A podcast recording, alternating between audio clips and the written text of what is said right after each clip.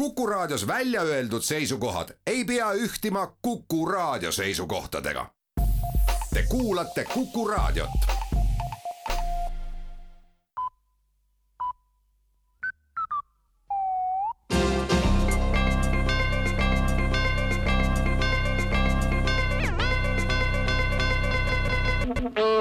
tere kuulajatele, uudised eetris ja stuudios Rohke Debelak majandusministeerium on kooskõlastamas elektriettevõtetega seadusemuudatust, mis muudab elektrikatkestused tulevikus kliendi jaoks tasulisteks kava kohaselt saab iga klient järgmisest kuust kaks voolumõõtjat, üks, mis töötab siis, kui elektrit on ja seda tarbitakse, teine voolumõõtja hakkab kohe tööle siis, kui elekter kaob. seni on elektrikatkestuste kulusid pandud elektri hinna sisse ja tarbijal puudub selge ülevaade sellest, mida stabiilne elektriga varustatus või vähemalt püüd seda saavutada tegelikult maksab.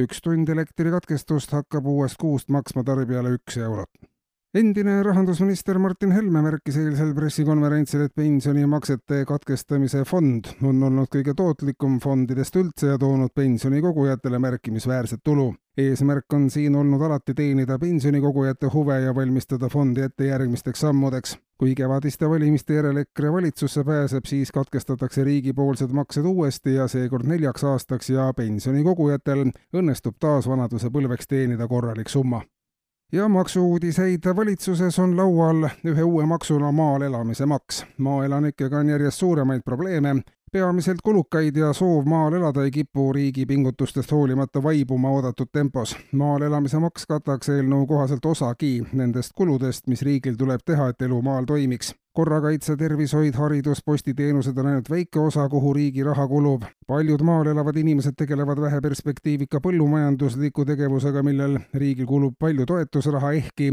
linnas saaks inimene kontoritööga ühiskonnale oluliselt vähem kahjulik olla.